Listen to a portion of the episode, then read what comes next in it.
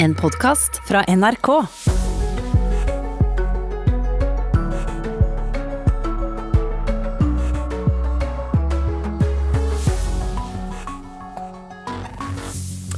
Vi starter denne Nyhetsmorgen og denne uken her hos oss med gode nyheter. Strømprisen forblir lav. Ikke bare til våren, ikke bare til sommeren, men faktisk helt til høsten. Kanskje en trøst for alle dem som ble skuffet lørdag kveld over stemmekaoset. NRK klarte å skape under Melodi Grand Prix. Hva gikk galt, og hva kunne vært gjort annerledes? Vi spør en av de ansvarlige, og så kommer også vinneren hit til oss senere. Kasper Ruud, den første nordmannen som har vunnet en eh, ATP-turnering. I dag blir han dessuten Norges høyest rangerte tennisspiller noensinne. Dessuten skal vi innom Syria, India og diskutere tidligpensjon, badeland, og må vi snart bruke belte på bussen også i byene? I en rekke forskjellige saker, alle disse temaene altså. Nyhetsmorgen i dag med Birger Kolsrud Jåsund og Ugo Fermariello. Velkommen.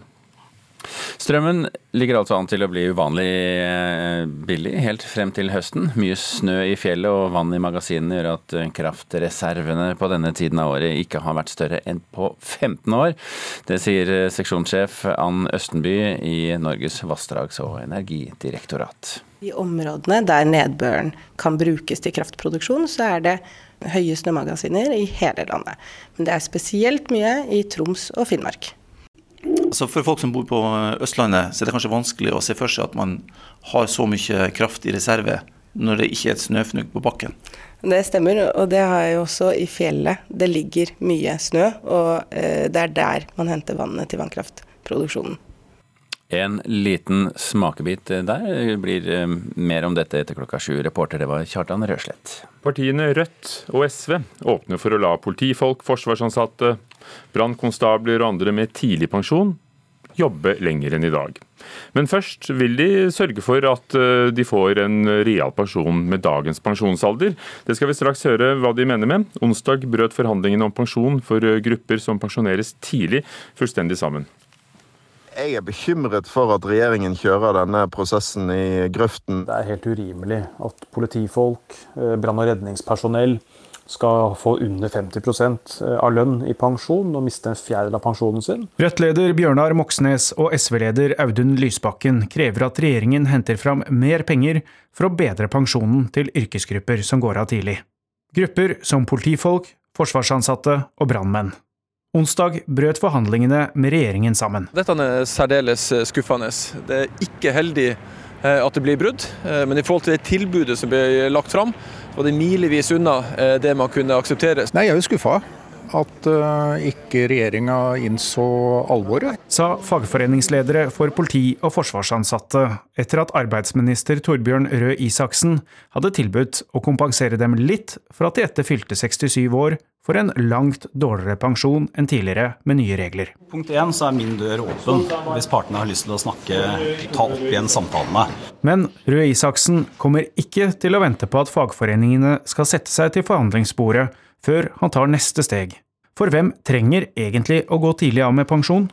Og trenger de å gå av så tidlig som i dag? Ja, Nå har vi jo lagt mer penger på bordet. Så kommer vi til å sette i gang en prosess for å, å diskutere selve særaldersgrensene. Hvor langt unna er den prosessen? Nå holder vi på å se hvordan vi skal rigge dette på best mulig måte, men det, det er, kommer vi til å sette i gang med ganske raskt. Vi er opptatt av at uh, i hvert fall de som har lyst til å jobbe lenger, skal få en mulighet til å jobbe lenger. SV-leder Lysbakken stiller seg heller ikke avvisende til å se på aldersgrensene. Ansatte i politiet og Forsvaret gå av som 57-åringer. Mener du det skal bestå? Altså, Jeg opplever ikke at fagbevegelsen sier nei til å forhandle om disse tingene. Uh, men da må en sørge for at, uh, at de som må gå av tidlig, der det skal være særaldersgrenser, at det der er et rettferdig pensjonsnivå. Og det er jo det disse forhandlingene som nå er brutt, i utgangspunktet handler om. Rødt-leder Moxnes åpner også for aldersgrensejustering hvis fagforeningene får være med å bestemme. Det er bra at brann- og redningspersonell eh, må gå av eh, tidlig, eh, fordi de må kunne klatre inn i vinduer og bære folk ut av brennende hus og ha helse og, og, styrke til det. Så en del av reglene er åpenbart fornuftige. Mens andre kan det være grunn til å se nærmere på, men det må være en konkret vurdering, yrke for yrke. Så dere åpner for å se på grensene? Ja, klart vi kan se på det, eh, så lenge fagbevegelsen har streikerett eh, på endringene. Det er det viktige. Arbeidsminister Røe Isaksen har ikke tenkt at fagforeningene skal bestemme fullt så mye når nye særaldersgrenser utformes. Der er det helt naturlig at vi også snakker med partene. Uh, umulig å se for seg at vi skal gjøre det uten å ha en diskusjon med organisasjonene også. Arbeids- og sosialminister Torbjørn Røe Isaksen, reporter Trond Lydersen. Og da skal vi se litt på hva som skjedde i løpet av natten. Tallet på døde i virusutbruddet i Kina er nå 1765, det offisielle tallet. I den daglige oppdateringen fra helsemyndighetene i Hubei-provinsen blir det rapportert om over 1900 nye smittetilfeller. Økningen kommer etter at det har vært nedgang i tre dager i tallet på nye smittede. Mer enn 70 500 er nå smittet av covid-19, som dette nye viruset heter. Er kommet inn over 750 klager til Kringkastingsrådet i kjølvannet av at en jury på 30 personer stemte frem de fire MGP-finalistene på lørdag, uten å ha sett direkteshowet. Dette skjedde etter at systemet for å avgi stemmer på internett eh, kollapset, og flere av klagerne krever nå ny avstemming, bekrefter rådet overfor nettstedet Medier24. USAs president Donald Trump uttrykker bekymring for krigshandlingene i Idlib og Aleppo-provinsene i Syria, og ber Russland kutte støtten til det syriske regimet. Det skjer etter en samtale han har hatt med Tyrkias president Erdogan, ifølge Det hvite hus. Syriske regjeringsstyrker gjør for tiden store fremskritt i offensiven mot de siste opprørsstyrte områdene, og Røde Kors sier at situasjonen for de sivile er noe av det verste de har sett. Her er noe av det som skjer i dag, og som vi kommer til å følge nøye med på i NRK Nyheter. Facebook-grunnlegger Mark Zuckerberg møter i dag flere EU-kommissærer i Brussel, og temaet er en skattemodell for store multinasjonale IT-selskaper, som hans eget Facebook, Google, Amazon, Apple og andre. Margrethe Vestager, den tidligere danske finansministeren, er en av EU-kommissærene som deltar. Hun har som kjent eh, lenge tatt opp kampen mot de store selskapene, i et forsøk på å få dem til å betale skatt i de landene hvor de faktisk tjener pengene. Og flere restauranter håper i dag på å få stjerner, og andre håper på å beholde sine og kanskje øke antallet når årets utgave av Michelin-guiden for Norden lanseres i Trondheim i dag. I Bergen så håper restauranten Bare, en del av Bare Vestland, på sin første stjerne. Det skriver Bergens Tidende i dag. Og hvis det skjer, så vil Bergen da følge Oslo, Stavanger og Trondheim som en norsk by med stjerner i den kjente røde guideboken. Tennis tennis. For eh, Kasper Ruud ble i går eh, i historisk da han slo Pedro Sosa i ATP-finalen i tennis. Han ble dermed den første nordmannen som vinner en ATP-turnering, noe ikke engang hans far, Christian Ruud, klarte som aktiv tennisspiller. Men Christian han er selvfølgelig stolt over hva sønnen har fått til. Eh, jo, utrolig gøy. Kjempestolt, selvfølgelig. Det har vært, uh, vært en fantastisk uke. Syns han har spilt mye god tennis. I finalen møtte Kasper Ruud en småskada Pedro Sosa, og han trengte bare en drøy time på å vinne kampen med 6-1 og 6-4 i sett. Christian Ruud mener likevel at det ikke ble en enkel jobb for hans sønn i finalen. Klarer å holde hodet kaldt. Det er litt sånn øh, vanskelig å møte en spiller som kanskje var litt sånn halvskada, men øh, man så der i andre sett at han løp ganske så bra etter ballene, så det var ikke noen enkel oppgave å snøre sekken, egentlig. Kasper Ruud sitt storspill den siste veka gjør han øh, historisk på flere måter.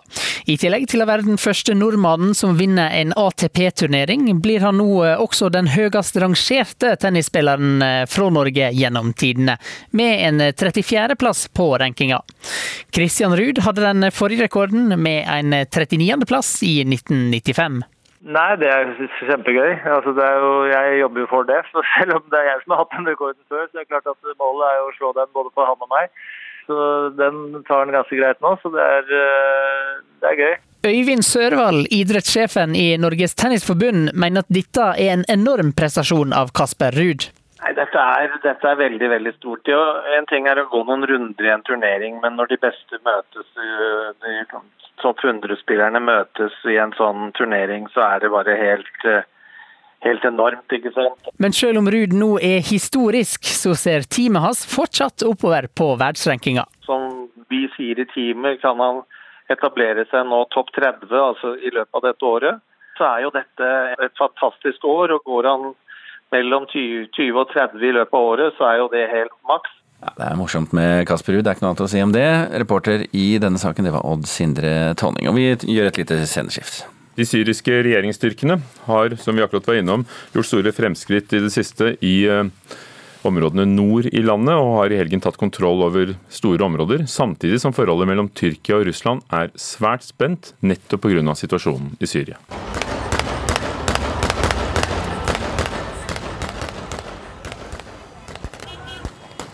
Dette her er altså lyden av soldater og sivile som feirer i byen Anadan i nord, nordvest for det som en gang var Syrias nest største by, Aleppo. Det kan jo høres litt uh, Det kan jo nesten høres ut som det var krigshandlinger, men det er altså Ja, for de skyter vel i luften, vil jeg tro.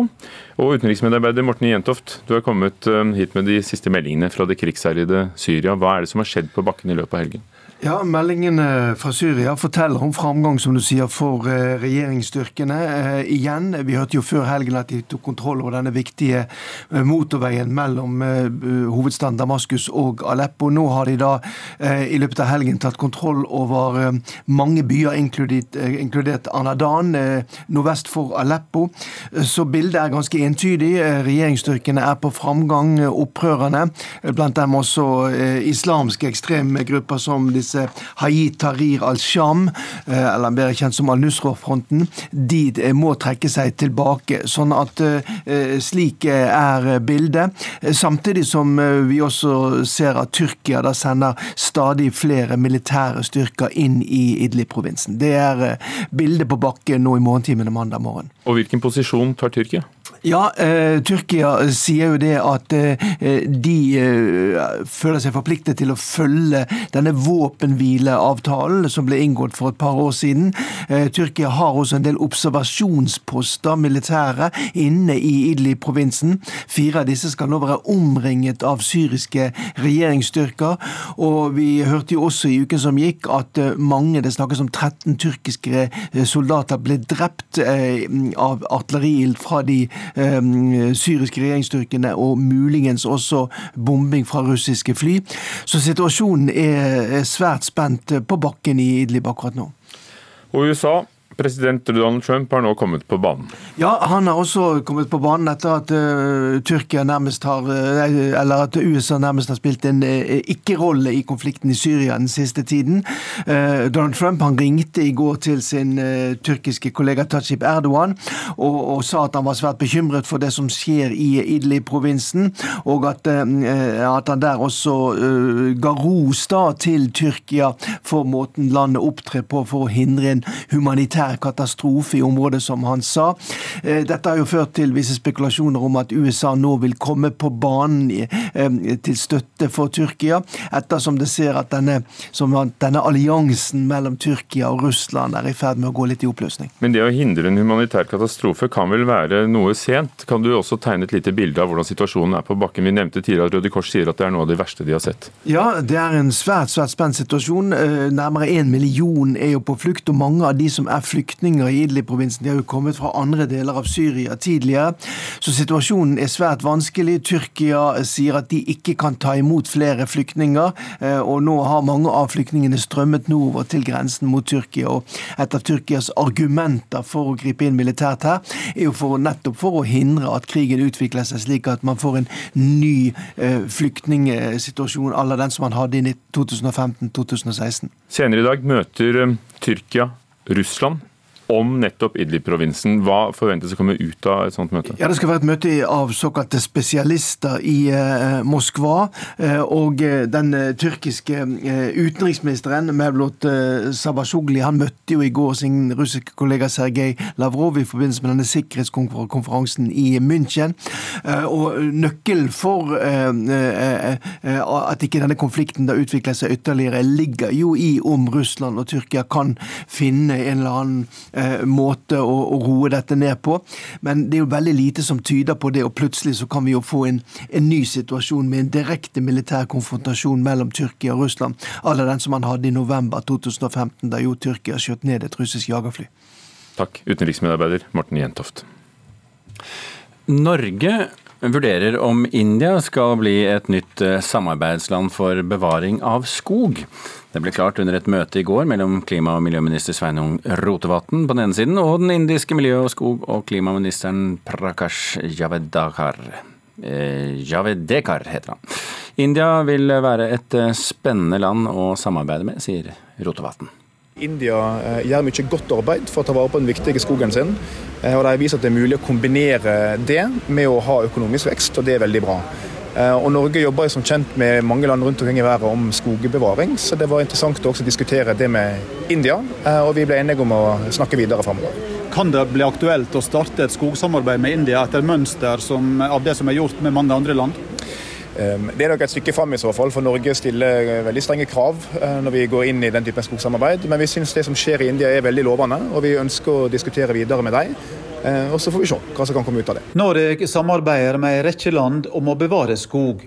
Samarbeidet starta med Brasil i 2008. Landene får utbetalt penger når de kan dokumentere resultat. Sumitra Dasgupta er sjef for skogavdelinga i det indiske miljø-, skog- og klimadepartementet, og deltok på møtet i går mellom de to ministrene her i India. We feel Norway has uh, are having a lot of technologies, advanced technologies, which can be utilized for the conservation of forest in India. So we are looking up to, and today's discussion was very fruitful, and this will lead up to a collaboration between the two countries where we Norge har teknologi og erfaring fra samarbeid med andre land om bevaring av skog.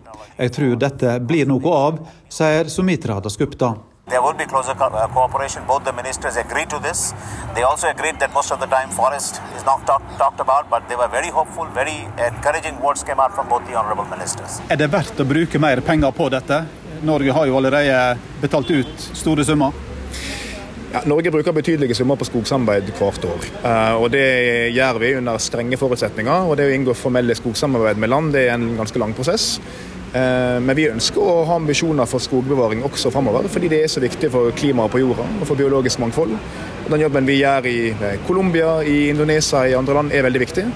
Uh, og den jobben India sjøl gjør, er veldig viktig. Så får vi se litt hva vi kan få til av samarbeid framover. Vi skal i hvert fall snakke sammen, så får vi se. Det var Sveinung Rotevatn du hørte der, og reporter i India det var Eivind Molde.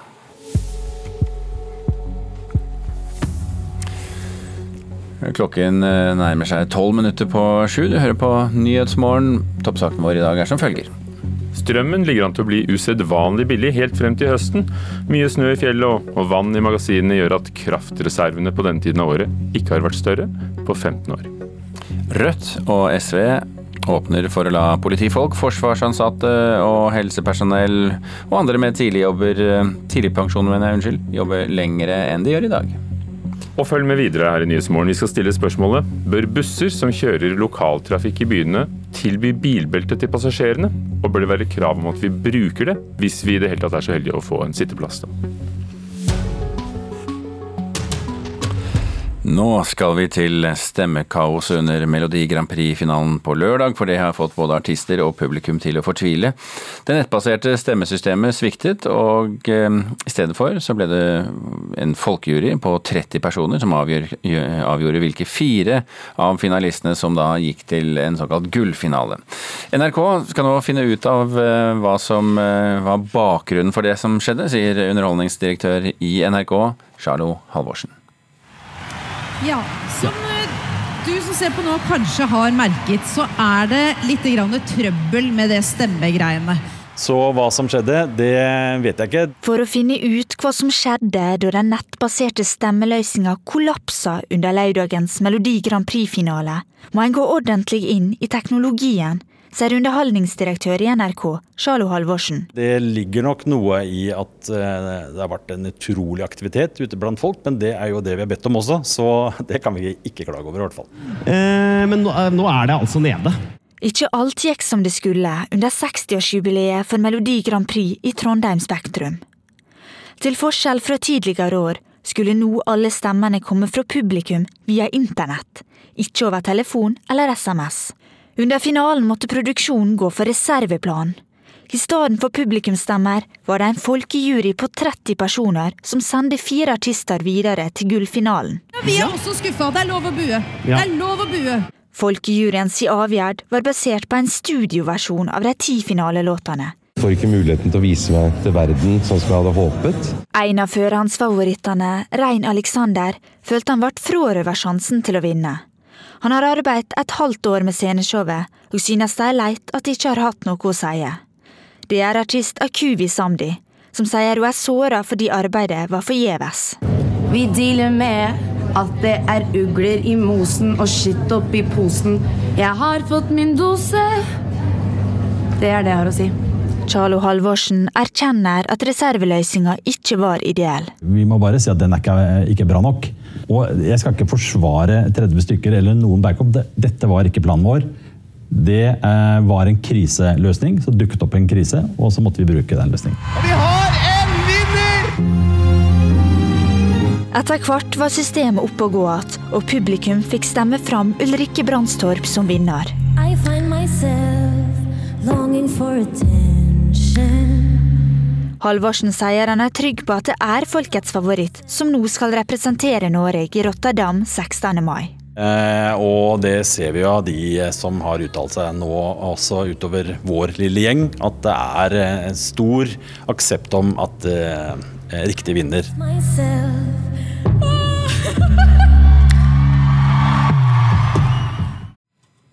Birgitte Vågnes Bakken var reporter her. Fungerende redaktør i Underholdningsavdelingen i NRK, Kristina Resar, god morgen. God morgen. Hvilke tanker gjør det deg etter denne helgen? Å, det er et stort spørsmål, men uh, nei, først og fremst så tenker jeg må beklage at, uh, at det ble sånn som det ble. Uh, det er det første, både til artistene og til, norske, og til Norge og seerne. så skal vi bruke dagen med å finne ut hva som egentlig skjedde, og hvordan kunne det skje. Ja, Hvordan kunne det skje, da? Sånn umiddelbart? Noen Nei, altså- tanker har du vel gjort deg om det også? Ja, eh, vi har jo eh, brukt dette systemet på alle delfinalene. På første så var det jo trøbbel, og så rettet de det opp, så har det gått eh, veldig bra. Så at det vi må finne ut, var hvilket ledd. Hvor var det det sviktet? Og det, vi skal jo møte med teknologene i dag. Så, for at det ikke skal kunne skje igjen. Det er jo det som er det viktigste. At vi skal finne ut hva som skjedde, så det ikke kommer til å skje igjen. Men så sier mange at også da det var oppe å gå igjen i de siste rundene i, i gullfinalen, så var det mange som slet med å få avgi stemme. Føler du deg trygg på at alle som ville stemme, fikk stemme? At, at også i de rundene at det ble et helt riktig bilde av uh, deltakerne? Ja, vet du, Vi har jo fått noen rapporter, og vi vet ikke helt omfanget av det enda. Så Det jeg har fått beskjed om, er at, de, at Norge har valgt sin vinner, og at stemmene kom inn. Og at det var svært få som ikke greide å komme igjennom. Men dette er jo en av de tingene vi skal få svar på i løpet av dagen. Om det var i større omfang, eller om det var noen. Det vet vi ikke ennå. Men hva gjør det med Melodi Grand Prix og, og NRKs troverdighet da, når det blir så trøblete. Det minner jo litt om, om primærvalget i Iowa, da. Eller det var ikke primærvalg, men den stemmegivningen. Hvor ja. de fortsatt ikke vet om det var Sanders eller Buttigieg. Nei, men det er jo, dette var jo fra ti til fire. Fra fire til to til én. Eh, altså artisten når vi gikk fra fire til to til én, så var jo publikum med oss og stemte. Ja, Men så, det var jo mange allerede ute. Ja, det var de. Og, og, men eh, folk, det har jo vært gjennom alle delfinalene, så folk stemt. Og eh, det var jo også Ulrikke, jeg tror hun er jo absolutt en meget god kandidat for 80 Esk. Eh, så jeg tviler ikke på at vi har kommet frem til den som er den riktige å sende. Men når vi nå leser i dag i Medie24 at det er 750 klager til Kringkastingsrådet mm. De fleste av disse, visstnok ifølge rådets sekretær, krever en ny avstemning. Mm. Hva gjør det med troverdigheten vår? Ja, vet du hva? Hvis, hvis, det er sånn at vi har gjort noe galt, uh, så skal man selvfølgelig se på det. Men det, jeg ble overrasket om det var det vi endte med. Men vi skal, uh, det, det, blir veldig bra med gjennomgang i K-rådet. Det imøteser vi jo. Og vi skal jo bruke dagen i dag og denne uken og disse ukene før neste K-råd ja, til å finne ut ordentlig. Vi møter klokken ti, ja. Med hvem? med teknologene i NRK. Nå har de en gjennomgang av alle sine systemer, og så får vi en brief klokken ti for å se liksom akkurat hva var det som skjedde, hvordan kunne det skje. Vi har jo gjort mange scenarioer med dem i forkant. Men om det har vært gjort noe galt, eller om det bare var en uheldig feil, så hadde dere altså en backup-løsning. Men 30 mennesker som hadde hørt opptakene på forhånd, er det nok? Kan 30 mennesker representere de forhåpentligvis millioner som så finalen? Det er jo et utvalg som redaksjonen hadde gjort, at man sa at disse 30 er, på landsbasis. De representerer ulike eh, områder og, og, alder og kjønn og alt. Eh, og så jeg tror du må jo opp i over 1000 hvis du skal ha representativt utvalg. Dette var en backup-løsning som vi virkelig trodde var for krise. Men Kunne de ikke sittet og sett på finalen de også, da? Som en idé, mener jeg, til neste gang. Jo, absolutt. Og det, vi skal gå gjennom alle disse tingene. Dette er jo en del av evalueringen vi tar. Nå skal det sies at de har jo stemt liksom folket. De har jo vært med i alle delfinalene. Vi har jo testkjørt dette i fem uker. Og de har stemt likt som folk har gjort. Så vi føler oss veldig på at de er i takt med befolkningen. Og de er jo ikke knyttet til artisten eller TV-bransjen eller musikkbransjen. Eh, sånn at det, det tror vi det er en rettferdig jury. Siden det helt åpenbart har vært såpass trøblete med denne internettstemmeavgivningen, hva med SMS? Nå valgte du å ikke gjøre det nå, da.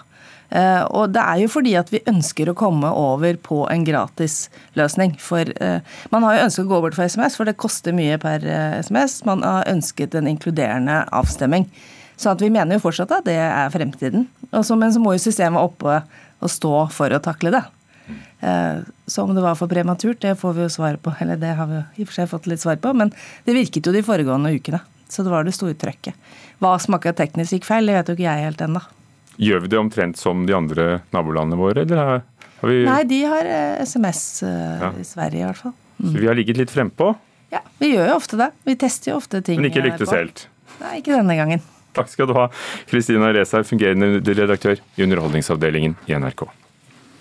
Bør busser som kjører lokaltrafikk i byene våre tilby bilbelte til passasjerene, og bør det være et krav om at vi bruker bilbelte?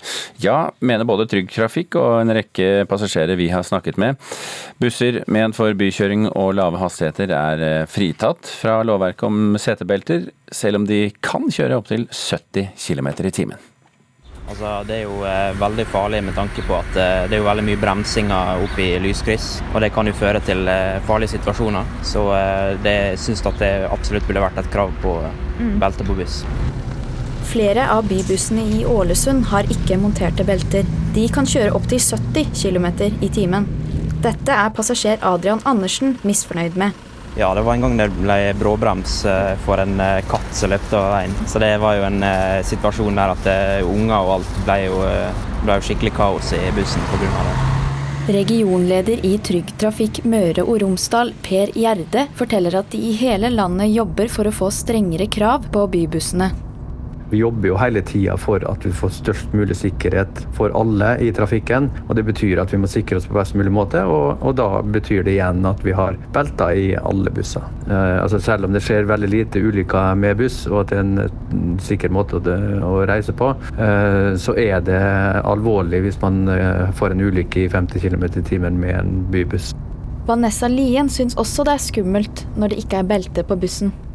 Der har vært ganger der, der har vært kollisjon, og vi har nesten kollidert, og så har ikke det vært belte. Og jeg har tatt tak i det nærmeste jeg kan få tak i for å holde meg fast. Bussjåføren trykka ned eh, bremsa, og vi fløy framover. Men det var ikke, ikke i 80, det var i mer 30-20. Eh, hvis man får en bråstopp i 50 km i timen, så, så, er ikke menneskekroppen laga for å møte støt uh, i den hastigheten. Det er jo ikke annerledes eh, på andre framkomstmidler. Altså Hvis man står i en bil eller sitter uten belte i en bil og krasjer i 50 km i timen, så hvis man ikke da bruker belte og ikke har airbag, så er det alvor, meget alvorlige skader man kan få da. Og det er jo det samme om man er i buss eller i en bil eller annet kjøretøy. I Oslo og Trondheim har bybussene heller ikke belter. I Bergen derimot jobber de med å få belte på alle bussene. Nå følger Ålesund etter, og når en ny kontrakt skal gjelde fra 2021, blir et krav fra samferdselsavdelinga i Møre og Romsdal at alle de nye bussene, inkludert bybussene, skal ha belter.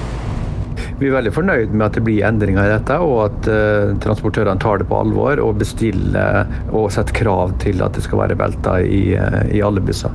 Ja, det, er på tide at det blir også belter i, eh, også i, med bybusser.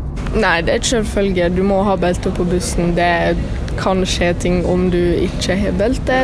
Hvis du krasjer, så går det utover ditt liv og de som er rundt deg.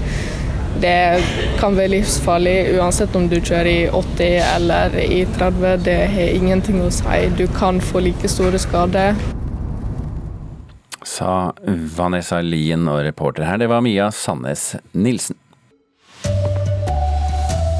Her er NRK Dagsnytt klokka sju. Rødt og Sosialistisk Venstreparti åpner for å la politifolk, forsvarstilsatte og andre med tidlig pensjon jobbe lenger enn i dag. Onsdag i forrige uke brøt forhandlingene om en ny pensjonsavtale for slike arbeidsgrupper sammen. Rødt-leder Bjørnar Moxnes åpner for en endring av reglene, dersom fagforeningene får være med på å bestemme.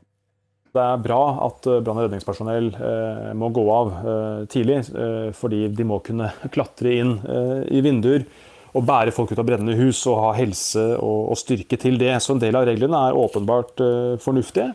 Mens andre kan det være grunn til å se nærmere på. Men det må være en konkret vurdering, yrke for yrke. Så dere åpner for å se på grensene? Ja, klart vi kan se på det, eh, så lenge fagbevegelsen har streikerett. Arbeidsminister Røe Isaksen har ikke tenkt at fagforeningene skal bestemme fullt så mye når nye særaldersgrenser utformes. Og Der er det helt naturlig at vi også snakker med partene. Uh, umulig å se for seg at vi skal gjøre det uten å ha en diskusjon med organisasjonene også. Vi er opptatt av at uh, i hvert fall de som har lyst til å jobbe lenger, skal få en mulighet til å jobbe lenger. Reporter Trond Lydersen. Politiet ber om tips etter at et bingolokale i Vestby i Follo ble rana i går kveld. To menn truga en kvinnelig tilsatt med kniv og fikk med seg penger. Den tilsatte er ikke fysisk skadd. Ranet skjedde ved 20-tida, og politiet avslutta søket et par timer seinere.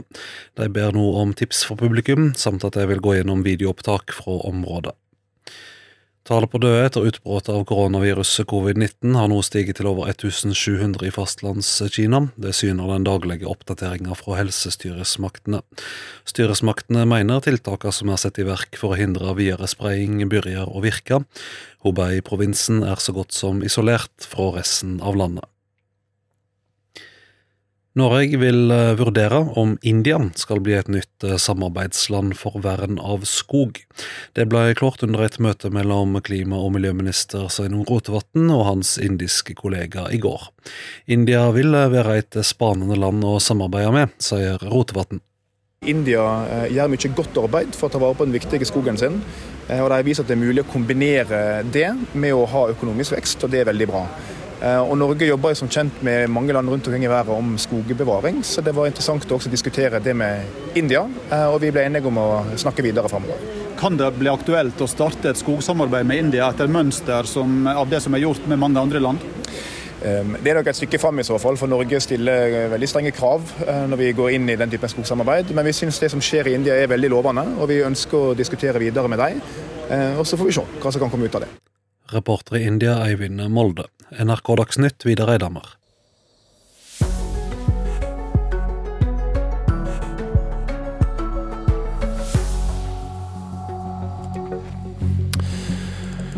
Billig strøm. Høres det bra ut?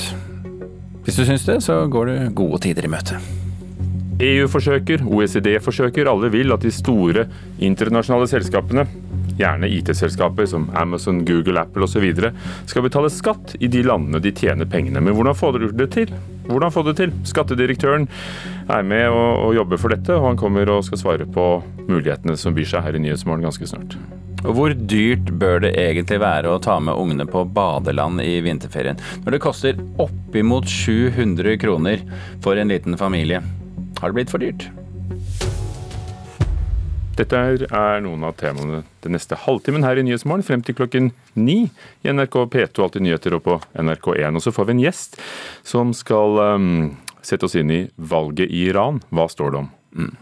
Men altså til strømprisene først, som er en hyggelig liten nyhet å komme med på morgenkvisten. Strømmen kommer til å være uvanlig billig, i hvert fall frem til høsten.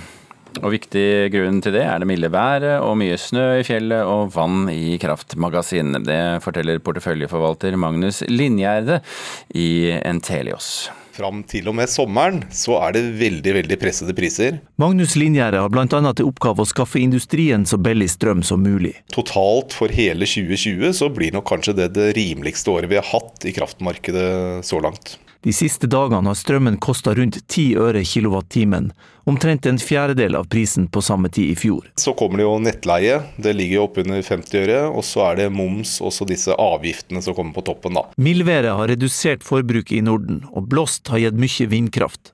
Samtidig ligger det altså mye snø i fjellet og vann i magasinene, sier seksjonssjef Ann Østenby i Norges vassdrags- og energidirektorat, NVE. I områdene der nedbøren kan brukes til kraftproduksjon, så er det høye snømagasiner i hele landet. Men det er spesielt mye i Troms og Finnmark. Summen av snø i fjellet og vann i magasinene kalles på fagspråket for den hydrologiske balansen. Den er ifølge NVE så god nå at man må 15 og 20 år tilbake i tid for å finne maken, sier Ann Østenby. Det er bare i 2000 og i 2005 at det er høyere enn det vi ser på tilsvarende periode i året som vi er nå. Er det fare for at eh, det kan bli flom når alt det her smelter til våren? Det er alltid en fare for at det kan bli flom, eh, men vi har jo eh, veldig gode metoder for å overvåke flomsituasjonen i Norge. NVE overvåker den kontinuerlig, men vi vet ikke om dette året vil bli noe annerledes enn andre år ennå. For det er lenge til snøen skal smelte, normalt sett. De spesielle værforholdene gjør at folk i hvert fall kan glede seg over lave strømregninger, sier Magnus Linjære. I år så får man altså to effekter. Det ene er at prisen kanskje blir halv pris, eh, altså bare strømprisen. I tillegg så bruker man jo mye mindre strøm også på oppvarming. Eh, så totalt sett så blir besparelsen på eh, ganske mange tusenlapper altså for en vanlig husstand. Og de lave prisene forsvinner altså ikke med det første. Sommeren nå er jo allerede priset ned på 11 øre. Så det er unormalt at vi ser så lave priser for en periode fram i tid. Da. Altså Da er det bare å kjøre tørketrommel og varme alt på full guffe? Ja, man skal vel ikke Altså det koster jo uansett å bruke strøm, så man skal vel ikke sløse av den grunn. Men det er helt klart eh, Det blir noen tusenlapper til overs for hver husstand som man eh, kan bruke til andre ting. Reporter her, det var eh, Kjartan Røslett. Et kjent navn, Mark Zuckerberg, grunnlegger av Facebook, det har vært laget film om ham også, møter i dag flere av EU-kommissærene i Brussel. Og det handler selvfølgelig om en skattemodell for de store multinasjonale IT-selskapene. Facebook er et av dem. Google, Amazon, Apple er andre navn vi kjenner. Konkurransekommissæren Margrethe Vestager, tidligere dansk finansminister, er jo kjent for å ha gitt milliardbøter til Google og Apple for brudd på konkurransereglene og for å ta til orde for en europeisk løsning for at disse selskapene skal betale skatt i de landene de tjener penger. Hans Christian Holte, skattedirektør her i Norge, god morgen. God morgen, god morgen. Hvorfor er Mark Zuckerberg her? Han er her av flere grunner, tror jeg. Eh, det var interessant å se at han skrev et eh, leserinnlegg i Financial Times i går kveld. Eh, kom det ut, hvor han beskriver på en måte ansvarligheten han ønsker å Eh, få tydeliggjort at eh, Facebook tar. Eh, og Grunnen til at han er her, og grunnen til at han skriver den type innlegg, tror jeg, det er at han er jo under et visst press. Det er både det skattemessige og det er andre regulatoriske forhold som jeg tror han også skal diskutere i EU i dag. F.eks. hvordan vi kontrollerer kunstig intelligens. Hvordan vi har for så vidt godt personvern også med de løsningene som han står i bresjen for. Men du er her for å snakke om skatt, ikke minst fordi du leder OECDs skatteforum og deltar da i arbeidet med å lage et internasjonalt samarbeid om å skattlegge f.eks. Facebook og den typen selskaper. Hvor langt er dere kommet? Nå er det sånn at eh, det er det siste året for denne prosessen. Eh, sånn at man skal eh, være i mål i løpet av året. Nå er dette en politisk prosess som, som også finansministrene og, og, de ulike finansdepartementene rundt i verden styrer. Det er 137 land som nå samarbeider om å finne en løsning. Sånn at jeg har tro på eh, at det skal være mulig å finne en løsning i løpet av året som vi, som vi kan få et konkret resultat. Hva skiller da den prosessen du er med på, og EUs initiativ? For Margrethe Vestager sier jo at uh, dette kan ikke hvert enkelt EU-land løse, vi må ha en europeisk løsning. Ja, da tror jeg nok at eh, det som sagt dreier seg litt om at EU i dette tilfellet ikke kun tenker på skatt, men de tenker på regulering av eh, ulike sider av eh, IT-samfunnet. De tenker på kunstig intelligens. De tenker også på noe som jeg syns er veldig interessant diskusjon som jeg tror blir større i løpet av året, og det er rett og slett verdien av dataene om deg og meg. Er det en verdi som kun skal komme de store selskapene til gode, eller er det også et offentlig anliggende? Den type spørsmål reiser også EU, og reiser også Margrethe Vestager som, som konkurransekommissær. Så det er på en måte en, en litt annen problemstilling enn det rent skattemessige. Også interessant å se at OECD da går ut og sier for noen dager siden at den løsningen som de, eller altså vi 137 land, jobber intenst for, den vil innbringe ca. 100 milliarder US dollars ekstra i skatteinntekter. Så Det er også interessant her, syns jeg, å se at Zuckerberg han ser jo at ja, kanskje er prisen å betale for fortsatt godt omdømme, fortsatt tiltro hos både styresmakter og folk flest, det er å betale litt mer skatt. Det er altså det, det arbeidet du har ledet, Organisasjonen for økonomisk samarbeid, OECD. Mens EU, da, for å komme tilbake til det, der har jo Frankrike forsøkt seg å innføre en digitalskatt på disse selskapene, for å snakke spesifikt om det. Hvordan har det gått? Du, jeg må bare understreke at Det er ikke jeg som leder dette arbeidet. Jeg er på det administrative nivået, så jeg, jeg, er ikke del av den prosessen som foregår akkurat nå, selv om vi følger dette arbeidet tett. Okay. Men det er altså sånn at eh, Frankrike kom med denne digitale skatten. Den er foreløpig ikke eh, implementert. Det er nok bl.a. pga. ganske hardt press fra amerikansk side. Slik at Frankrike har sagt at hvis OECD lykkes med den prosessen de nå har, så vil Frankrike ikke innføre denne skatten.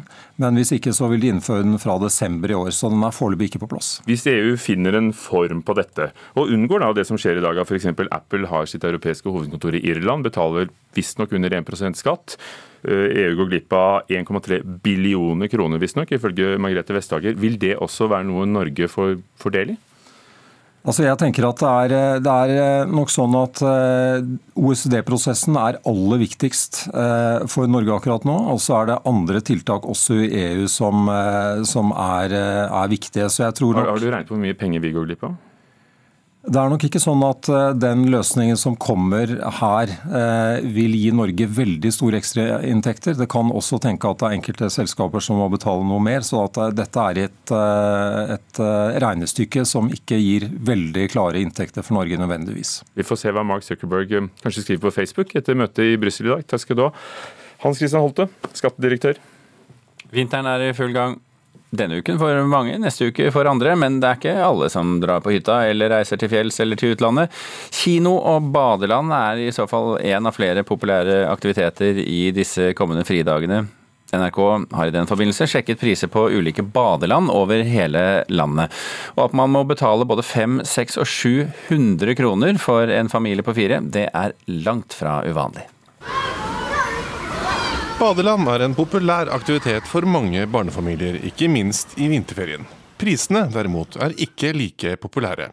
Mange foresatte må grave dypt i lommeboka. Hoppe på Mammi og, også is her. Gabriel på fire år er med mamma Silje Helen Stavsholt Gursås i Skien fritidspark. Hun synes prisene er stive. Altså Man må jo tenke at når vi drar i bassenget, så er vi jo ofte her lenge. Og da vil man jo gjerne kanskje ha sånn som Gabriel som elsker is, han vil ha is, og så vil, må man jo spise. Man får jo ikke lov å ta med seg noe, noe mat. Så det er klart at det blir jo, det blir jo dyrt. NRK har sjekket priser i badeland over hele landet, med utgangspunkt i anleggene som er medlem av interesseorganisasjonen Badelandene. Samtlige er helt eller delvis eiet av forskjellige kommuner og fylkeskommuner.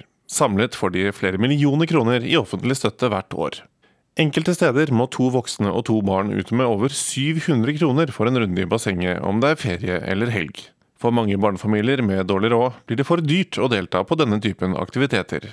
Det sier frivillig turleder i Røde Kors Ferie for alle, Trine Rabben. Jeg syns det er helt horribelt at det skal være så dyrt. Jeg syns at det stenger ute en del familier som absolutt har behov for å kunne være sammen og gjøre den type aktivitet. Rabben mener norske kommuner må kunne bidra til at prisene blir rimeligere, ikke minst fordi de i mange tilfeller selv er medeiere i anlegg som skal være til glede for alle innbyggerne. Et eksempel er Fritidsparken i Skien. De er ikke dyrest på lista, men tar i dag 660 kroner for to voksne og to barn på en fridag. altfor dyrt, mener Rabben. Men hva med de som har tre og fire barn? Det er faktisk ganske mange av de også. Daglig leder i Fritidsparken i Skien, Jens Petter Aas, synes det er synd at noen opplever prisene som høye. Han mener likevel de ligger på et nivå som er fornuftig. Prisnivået hos oss eh, har vi lagt opp til eh, å matche andre aktiviteter. Eh, vi er et selskap som eh, er eid av Skien kommune, og skal derfor drive i null. Så vi prøver å holde prisene så lave som mulig.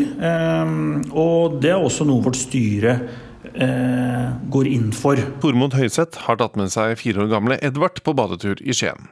Bestefaren har investert i et årskort til både seg selv og barnebarnet, men synes nok prisene i det populære badelandet er litt i overkant. Så jeg syns jo enkeltbilletter for en liten pjokk på fire og et halvt år synes jeg er litt dyrt. Det er vel 130 kroner, for det blir jo litt annet. Vi kjøper litt i kiosken og litt mat og koser oss litt når vi først er her. Mamma Silje tror høye priser kan være med på å skape et skille. Og Det er jo mye snakk nå om press på klær og, og sko og veske og ytterjakke og alt sånt, men jeg syns jo at dette også skaper samme type press, da. Reporter eh, på badeland, Nils Skomsvold. Badeland i Skien var det han var på. Da er klokka kvart over eh, sju. Det betyr at det er en halvtime til klokka er kvart eh, på åtte. Jeg er god med klokke. Programleder Bjørn Myklebust, arbeidsministeren kommer på besøk. Torbjørn Røe Isaksen hadde knapt hengt av seg frakken før han kastet seg over tastaturet og skrev 'Nye jobbtall viser at du tok feil, Støre'. Og Det han viser til da, det er tall på antall nye jobber i Norge etter denne oljekrisa i 2014, da ledigheten steg eh, markant. Arbeiderpartiet mente at regjeringen gjorde altfor lite, og Røe Isaksen mener nå da at han har bevisene for at Støre tok feil. Mm. Nå møter han Arbeiderpartiet kvart på åtte. Og helt riktig, om en halvtime.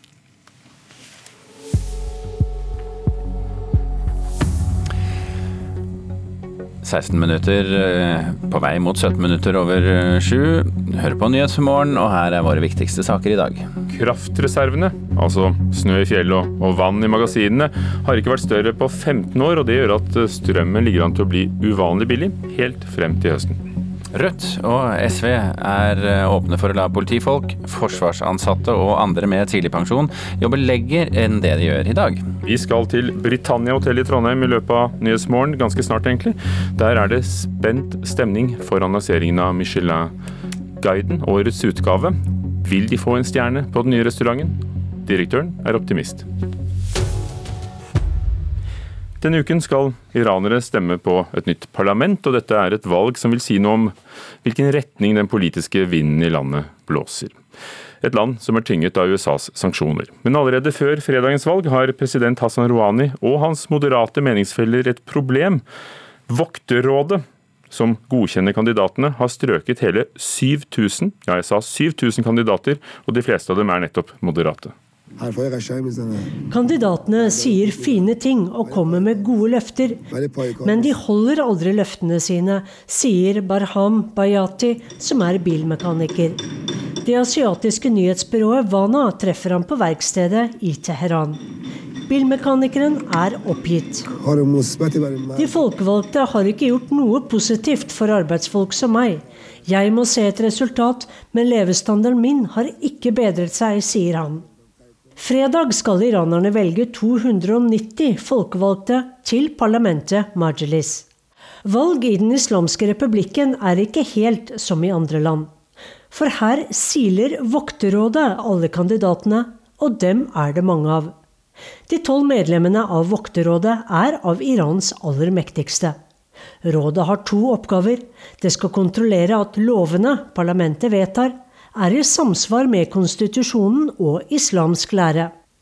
Og de tolv vokterne, hvorav seks er geistlige og seks er jurister, skal vurdere om kandidater som stiller til valg, har kvalifikasjonene sine i orden. I år meldte hele 14 500 kandidater seg for å kjempe om plassene i parlamentet. Men Vokterrådet fant at mer enn 7000 av dem ikke møter kravene.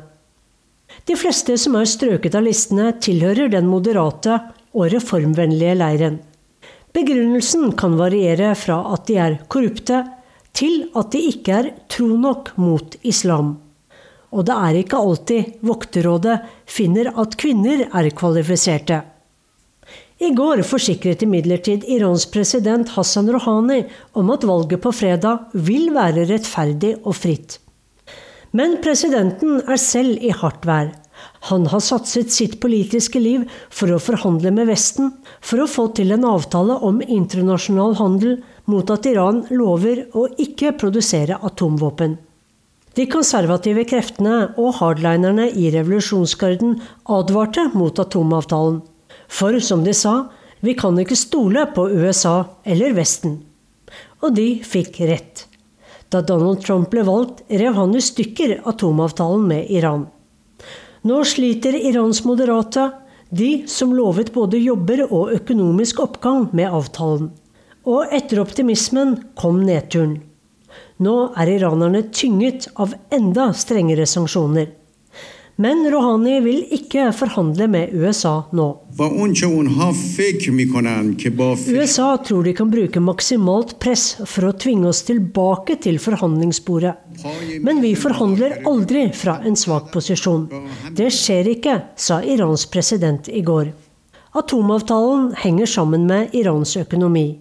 Og for velgere flest er økonomien det viktigste. Gjør noe med sanksjonene, sier studenten Sode Karimi. Før stemte folk fordi de mente at kvinner skulle få gå på fotballkamp, og folk ville gå på konserter, de ville ha reformer. Men nå er jobben vår å stemme for noe viktigere, for en større sak, sier Mahmoud Moespour. Andre, som Mehrabani, er mer desillusjonert. Vi har gått til stemmeurnene mange ganger, men folkets krav ble oversett så snart valget var over, sier han til nyhetsbyrået Vana. Sa korrespondent Sissel Wold. Så har vi fått i studio historiker og forfatter Mohammad eh, Isadi. God morgen. God morgen. Vi, vi hører også at valgdeltakelsen er ventet å bli lav. Eh, hvordan ser egentlig folk i Iran på disse valgene? Jeg tror egentlig i utgangspunktet så er det ikke så annerledes fra ellers i verden. At man har de som tenker at dette er en gyllen mulighet til å bli hørt og, og velge landets politikk. Men så har du også en, en, god del som tenker at dette er utprøvd, dette har vi gjort så mange ganger før, det har ikke blitt bedre, og jeg kommer aldri til å stemme igjen. Mm. Og, de, og, disse 7000 eh, vi hører om som er altså strøket fra listene, hva er det som gjør at de blir strøket? Ja, um, nå sa jo Sissel Wold at um, de har begrunnet med slik og slik, men Vokterrådet som siler disse ut, de, de, begrunner ikke alltid hvorfor de har silt ut disse. En, en, grunn kan jo være at det er veldig lett å stille uh, som kandidat. Det er veldig få kriterier du trenger å fylle. F.eks. er du mellom 30 og 75 år og har mastergrad og er god muslim, så kan du stille. Og da er det jo opp til vokterrådet å, bestemme om du er, faktisk er skikket eller ikke. Så det er jo veldig mange som stiller. Mm. Men, men, skal vi tolke det dit hen at, eh, at vokterrådet her eh, forsøker å, å, At dette er et forsøk på å beholde sin egen makt og, og fjerne de som er trusler mot deres egen makt? Eh, det hevdes jo at eh, de som sitter i vokterrådet er ultrakonservative. Og det man ser, er at eh, de har diskvalifisert veldig mange kandidater som, som anses som reformister. Og Hvis man ser sånn på det, så kan, så kan man jo argumentere for at de prøver å konsolidere, konsolidere makten sin og, og, få inn flest mulig konservative inn i, inn i parlamentet. Hvilken annen måte er det å se det på? Nei, kanskje det ikke er noen annen måte å se det på, men, men eh, man vet jo ikke helt hva som foregår bak kulissene. Så man skal ikke være så bastant å si at det er dette de faktisk prøver på.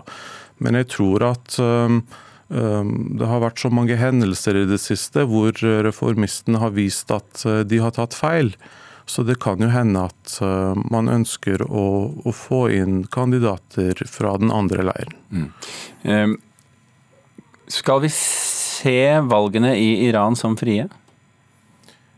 Ja, altså etter norsk målestokk så kan de nok ikke anses som frie. Ehm, det at nesten hvem som helst kan stille eh, til valg, gjør jo at det høres jo veldig demokratisk ut. Men dette med vokterrådet og denne silingen vil man jo i Norge se på som høyst udemokratisk og ufri. Men um, dette her er jo ikke Norge, dette her er i Midtøsten. Og da kan man igjen uh, kanskje argumentere for at um, ut ifra forholdene der, så er det kanskje ikke så ille som man skal ha det til. Dette, denne hendelsen i USA som da tok livet av generalen Qasem Soleimani nylig, er det noe som spiller inn i valget her? Jeg tror det spiller inn i aller høyeste grad. Det viste jo at man ikke kan stole på USA. Og mm, reformistene som ville forhandle med USA, fikk i stand atomavtalen. Disse konservative kreftene sa jo hele tiden at dette, vi kan ikke stole på USA og Vesten. Og nå ser det ut til at de har fått rett, så jeg tror det spiller inn i aller, aller, aller høyeste grad. Mm, og, og, sånn som f.eks. nedskytingen av dette passasjerflyet som førte til at 176 Er, er det også oppe som en politisk sak, eller, eller påvirker under overflaten? Ja, jeg, jeg, tror også det. Jeg tror at um, mange, mange, iranere følte kanskje at uh, regjeringen løy, fordi de holdt jo fast ved at dette her var jo ikke noe nedskyting. dette her var var motorfeil. De holdt jo på dette ganske lenge. Og, men så innrømmet de det, og da virket det jo som om de nærmest var inkompetente. At de kunne skyte De hadde utplassert noen raketter rett ved siden av den internasjonale flyplassen i Teheran og skjøt ned et passasjerfly som, som, må ha sett ut som passasjerfly på skjermen til, til uh, denne fyren som satt bak, uh, uh, bak spaken. Så så eh, det vitnet også om inkompetanse som gjør at folk kanskje ikke velger å gå til valgurnene. Ok, eh, Mohammed eh, Isadi, historiker og forfatter, takk for at du var med oss her i Nyhetsmorgen. Takk for at du fikk komme. Takk. Det begynte i 1900. En rød guide for um, egentlig sjåfører som skulle reise rundt, siden kjent som Michelin-guiden. Det er blitt en rettesnor for eh, veldig mange matinteresserte over hele verden, og de siste årene er det også kommet en egen nordisk utgave. Og i dag i Trondheim blir det klart om de restaurantene som har fått stjerne, får beholde den, og om noen flere får. Speilsalen ved Britannia hotell i Trondheim er en av de heteste kandidatene til å få en, en stjerne eller to. Stor jubel i Trondheim i fjor da Fagn og Credo var to av de fire nye nordiske restaurantene som fikk én stjerne i Michelin-guiden. I dag skal nye stjerner deles ut. Ja, jeg har store forventninger, og jeg er nervøs. Det sier Mikael Forselius, direktør ved Britannia hotell, for mye står på spill. For to ting. Nummer én er jo for at jeg skal husere 500 gourmander her, eh, som vi skal lage mat til. Og det andre er jo at vi har jo fortsatt tro på at en av våre restauranter i Speilsalen skal kunne få en stjerne. For Michelin-sirkuset har for første gang kommet til Norge og Trondheim, og selve utdelinga skjer under et stort show i Olavshallen i ettermiddag. Åtte restauranter i Norge har stjerner i Michelin-guiden, og det er stor prestisje knytta til å bli Michelin-kokk. Det betyr jo at man har gjort det riktig, at man på en måte setter verden. Og det er det det handler om. At man levererer kvalitet og store matopplevelser som er en reise. Det er det det handler om. Britannia er vertskap for selve festmiddagen i kveld, og har forberedt en cocktaildinner for 500 gjester fra hele Norden. Det er en stående gående, eh, så det vil være her i konferanselobbyen. Så blir selvsagt Palmehaven en del av eh, det store, og speilsalen skal også brukes som en del av matopplevelsen på denne dagen. Restaurantdirektør Ida Dønnem gleder seg, men er også spent foran kveldens store gjestebud. Det er jo et satt et tema for kvelden, og det er jo at vinter eh, møter fjell og fjord. Så det er jo de beste råvarene Trøndelag har å by på for den sesongen vi er i. Så det blir masse god sjømat, eh, nydelige oster, spekemat fra Røros eksempelvis, eh, gode grønnsaker som vi skal vise fram på en ny måte. Så det blir et eh, festmåltid. Bruk av lokale råvarer har vist seg å slå an hos Michelin-inspektørene, noe som også er viktig for Britannia. Det er helt avgjørende. Du må vise fram det. Det er maten fra Trøndelag og Trondheim som er helt avgjørende for oss alle. Og de som allerede har stjerne også sen tidligere, Credo og Fagn, er jo gjennomsyra med lokalmat, og det er derfor de har det. Eh, kombinasjonen med at det er flinke kokker, med at de har et matkammers i Trøndelag som er helt unikt, og de har vist fram det på et bra måte, det er det som er grunnlaget. Og det håper vi også at vi har klart å gjøre. Er du spent? Jeg er superspent. Men Kristoffer eh, vår sjef i speilsalen er enda mer spent, og det er greit. Mikael Forselius, direktør ved Britannia hotell i Trondheim, hvor vår reporter Grete Tobro er, og hun følger da lanseringen av Michelin-guiden i dag. Etter Dagsnytt 7.30 nå skal vi snakke om eh, filleristing av spedbarn og eksperter som kjemper en profesjonskamp som kanskje kommer til å endre norsk rettspraksis. Mild vinter fører også til svært billig strøm, og det kan komme til å holde seg lenge. Totalt for hele 2020 så blir nok kanskje det det rimeligste året vi har hatt i kraftmarkedet så langt. NRK vet fremdeles ikke omfanget av røystefeilen under Melodi Grand Prix-finalen. Nye møter etter bråket i dag. Og Michelin-stjernene for Norden blir delt ut i dag. En Trondheims restaurant er heit kandidat. Her er NRK Dagsnytt klokka 7.30. Strømmen kommer til å være svært billig, i alle fall fram til høsten. En viktig årsak er det milde været og mye snø i fjellet og vann i kraftmagasinene. Det sier Magnus Linjære i energiselskapet Entelios. Fram til og med sommeren så er det veldig veldig pressede priser. Magnus Linjære har bl.a. til oppgave å skaffe industrien så billig strøm som mulig. Totalt for hele 2020 så blir nok kanskje det det rimeligste året vi har hatt i kraftmarkedet så langt. De siste dagene har strømmen kosta rundt 10 øre kilowattimen, omtrent en fjerdedel av prisen på samme tid i fjor. Så kommer det jo nettleie, det ligger jo oppunder 50 øre. Og så er det moms, også disse avgiftene som kommer på toppen, da. Mildværet har redusert forbruket i Norden, og blåst har gitt mye vindkraft. Samtidig ligger det altså mye snø i fjellet og vann i magasinene, sier seksjonssjef Ann Østenby i Norges vassdrags- og energidirektorat, NVE. I områdene der nedbøren kan brukes til kraftproduksjon, så er det høye snømagasiner i hele landet. Men det er spesielt mye i Troms og Finnmark. Summen av snø i fjellet og vann i magasinene kalles på fagspråket for den hydrologiske balansen. Den er ifølge NVE så god nå at man må 15 og 20 år tilbake i tid for å finne maken, sier Ann Østenby. Det er bare i 2000 og i 2005 at det er høyere enn det vi ser på tilsvarende periode i året som vi er nå. I år så får man altså to effekter. Det ene er at prisen kanskje blir halv pris, altså bare strømprisen. I tillegg så bruker man jo mye mindre strøm også på oppvarming. Det blir noen tusenlapper til overs for hver husstand, som man kan bruke til andre ting. Reporter Kjartan Rørslett. NRK vet foreløpig ikke om alle faktisk fikk røysta etter at det ble annonsert at feilen var fiksa under Melodi Grand Prix-finalen lørdag kveld. I dag skal det være nye møter, der de involverte skal undersøke hva som faktisk skjedde. Men nå, dere, er stemmesystemet vårt oppe og går! Halleluja!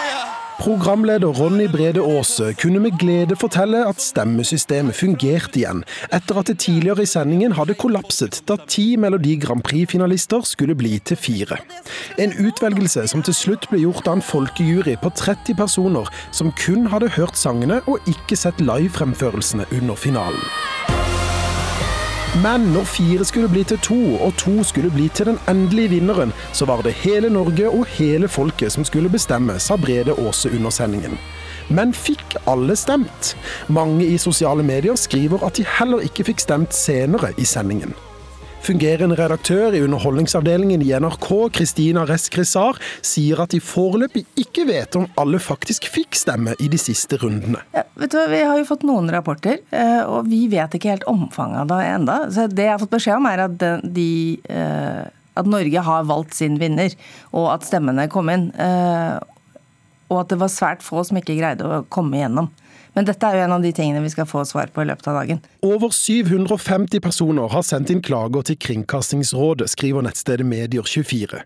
Flere krever ny avstemning. Hvis det er sånn at vi har gjort noe galt, så skal man selvfølgelig se på det. Men det jeg ble overrasket om det var det vi endte med. Og i dag klokken ti skal det være et møte i NRK der de skal se på hva som egentlig skjedde. Hvordan dette kunne skje, og om Ronny Brede Aase hadde rett da han sa at Så nå, herifra ut, er det hele Norge og hele folket som bestemmer hvordan dette går. Ja.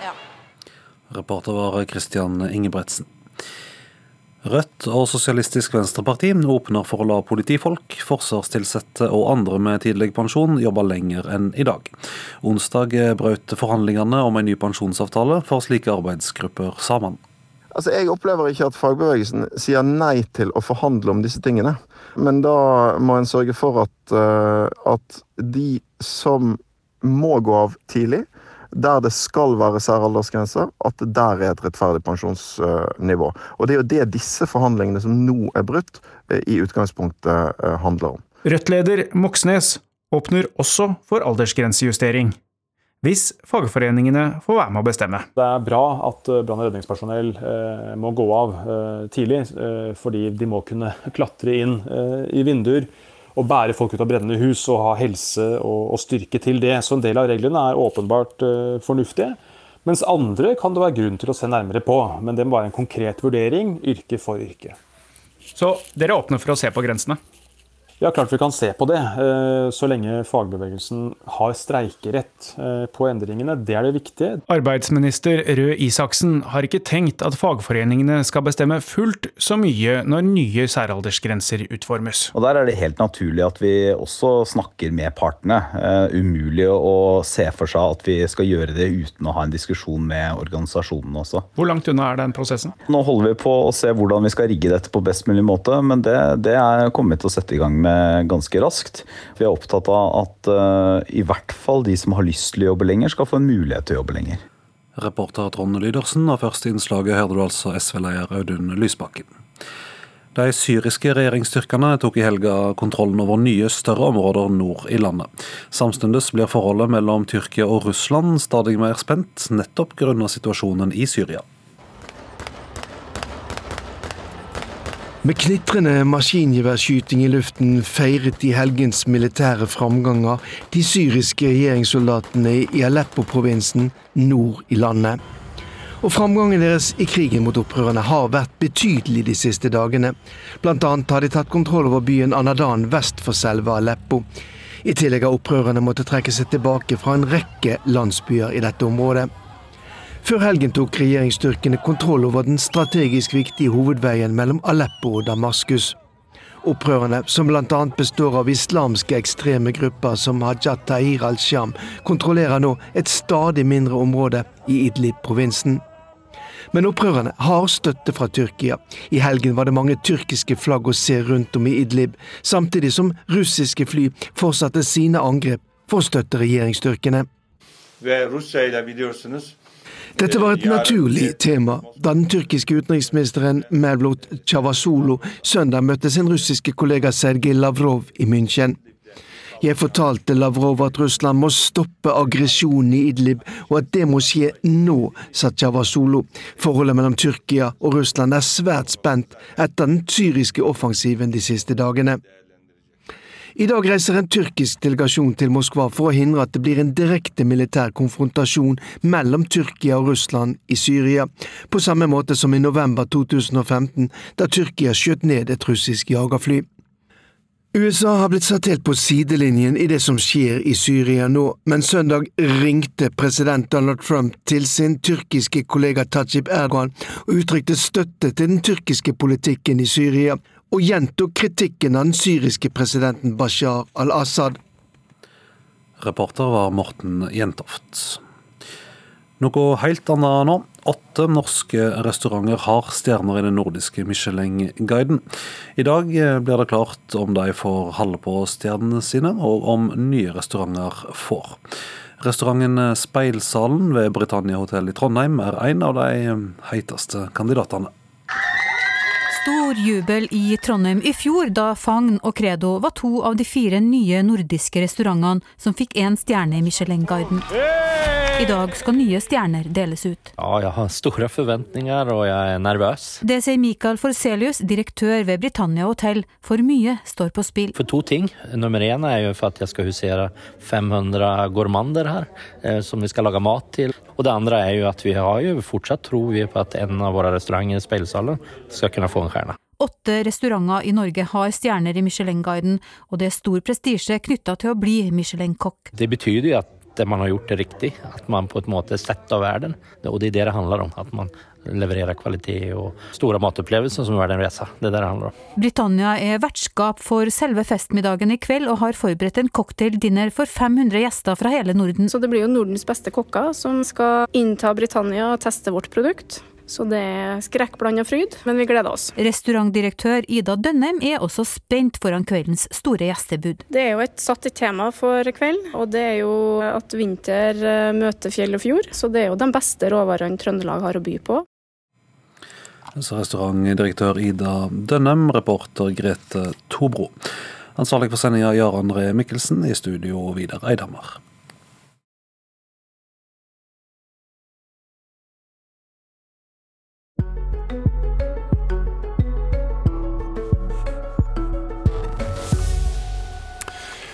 Eksperter på filleristing av spedbarn kjemper nå en eh, profesjonskamp som kan endre norsk rettspraksis. På tiltalebenken i Gulating lagmannsrett sitter en mann dømt til fem år i tingretten for å ha utøvd vold mot sin månedgamle sønn. Men eksperter som har forsket på spedbarnsvold, mener bevisene mot mannen ikke holder.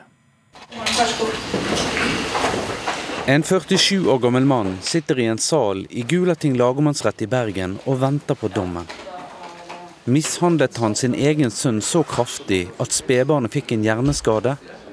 Eller er han uskyldig? Det var ingen ytre tegn til vold på gutten. Eksperter tror derfor at filleristing, såkalt shaken baby syndrom, kan være årsaken til skadene. Men i retten i Bergen møter de motbør fra svenske sakkyndige som mener at bevisene ikke holder. Ulf Høgberg, professor ved Uppsala universitet.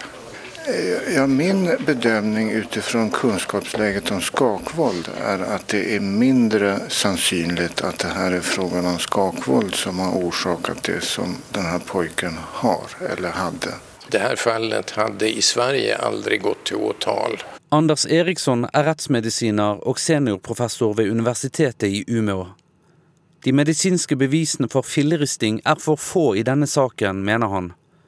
Blant annet hadde ikke gutten blødninger i øyebunnen, noe som kjennetegner de fleste som får diagnosen filleristing. Men aktoratet sine sakkyndige har jo vært ganske tydelige på at dette barnet har blitt utsatt for kraftig vold like før eh, sykehusinnleggelsen. Stemmer ikke det? Eh, de som tror på det gamle konseptet med Shaken Baby, sier det. Ja, jeg sier ikke det.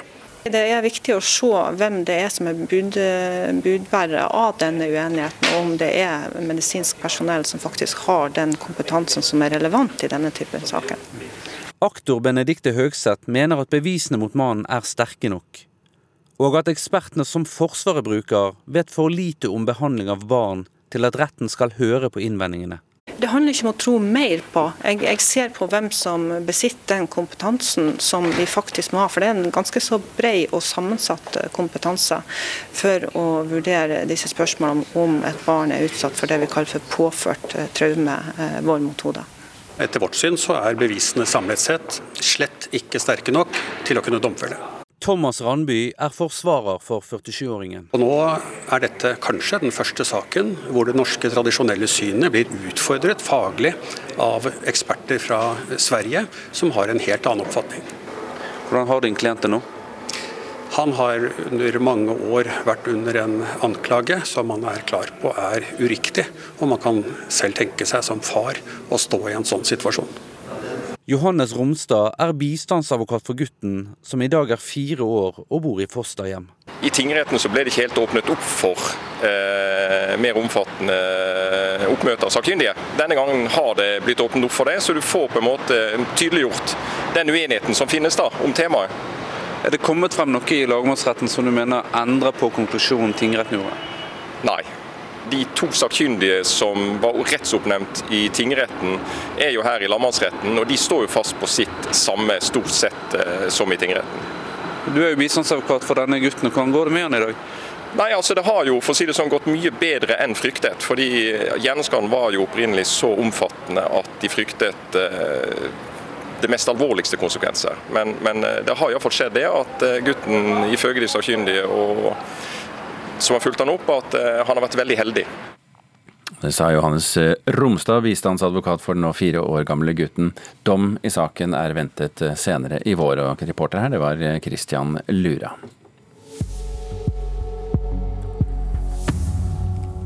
Klokken er snart kvart på åtte, eller kvart på Politisk kvarter, som jeg liker å si. Eh, vi har bare lyst til å minne om toppsakene våre før vi slipper til Bjørn Myklebust. Strømmen ligger an til å bli uvanlig billig helt frem til høsten. Mye snø i fjellet og vann i magasinene gjør at kraftreservene på denne tiden av året ikke har vært større på 15 år. Rødt og SV er åpne for å la politifolk, forsvarsansatte og andre med tidligpensjon jobbe lenger enn i dag. Og da er klokken kvart på, kvart på Politisk kvarter, og Bjørn Myklebust er klar.